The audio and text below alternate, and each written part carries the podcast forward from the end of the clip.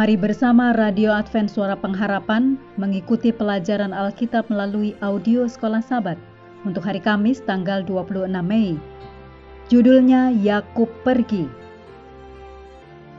Mari kita mulai dengan doa singkat yang didasarkan dari Mazmur 119 ayat 41. Kiranya kasih setiamu mendatangi aku, ya Tuhan. Keselamatan daripadamu itu sesuai dengan janjimu Amin.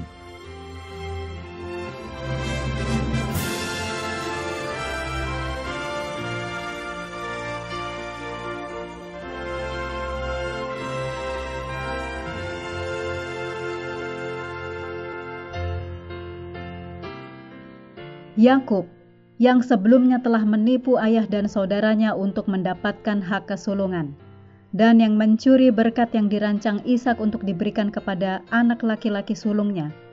Dalam peristiwa yang ini, tetap pasif atau berdiam terhadap Laban dan melayani Laban dengan setia.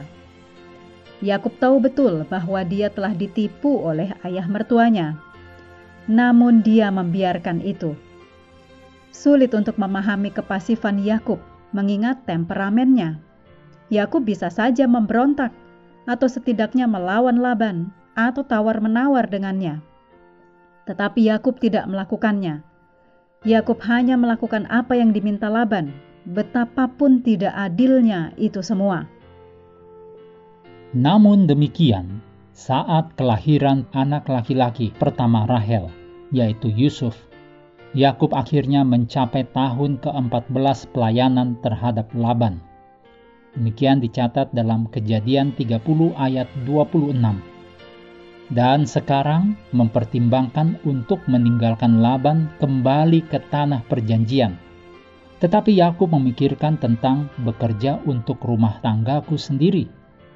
Demikian dicatat dalam kejadian 30 ayat 30.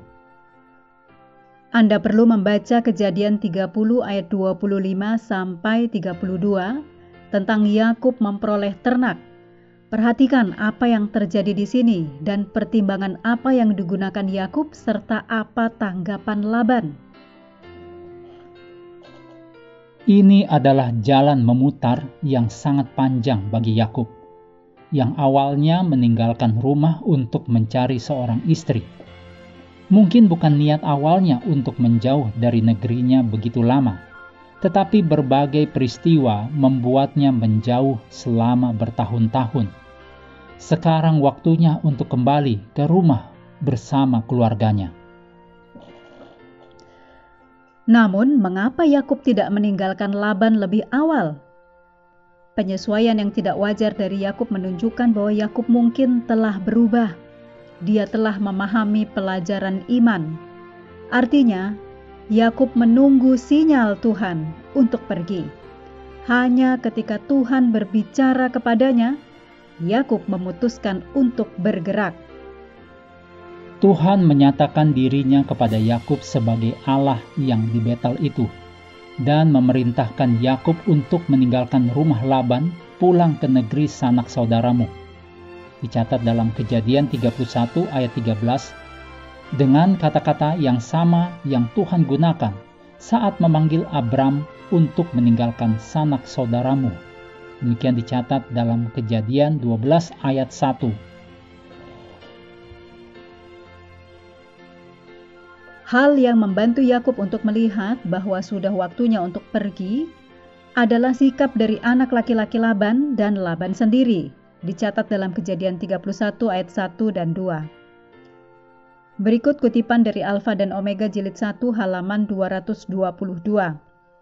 Sebenarnya Yakub sudah lama meninggalkan kaum keluarganya yang licik ini, kalau saja bukan karena takutnya terhadap Esau.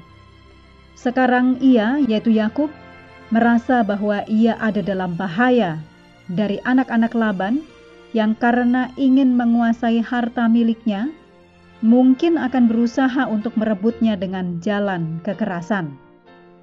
Oleh karena itu, Yakub mengambil keluarga dan harta miliknya dan pergi. Dengan demikian, memulai tahapan lain dalam rencana besar dari umat perjanjian Allah. Mengakhiri pelajaran hari ini, mari kembali kepada ayat hafalan kita kejadian 27 ayat 36. Kata Esau, bukankah tepat namanya Yakub? Karena ia telah dua kali menipu aku. Hak kesulunganku telah dirampasnya, dan sekarang dirampasnya pula berkat yang untukku. Lalu katanya, apakah Bapa tidak mempunyai berkat lain bagiku? Hendaklah kita terus tekun mengambil waktu bersekutu dengan Tuhan setiap hari bersama dengan seluruh anggota keluarga. Baik melalui renungan harian, pelajaran sekolah sahabat juga bacaan Alkitab sedunia percayalah kepada nabi-nabinya yang untuk hari ini melanjutkan dari bilangan pasal 16. Pendengar yang dikasihi Tuhan, di tahun ke-35 pelayanan AWR Indonesia, kisah dan kesaksian pendengar terkait siaran dan pelayanan audio kami terus-menerus dikompilasi. Terima kasih banyak untuk yang sudah menyampaikan dan masih terbuka bagi Anda semua untuk segera SMS atau telepon ke nomor AWR di 0821 1061 1595 atau 0816 1188 302 untuk WhatsApp dan Telegram. Kami tunggu para pendengar dukungan Anda. Tuhan memberkati kita semua.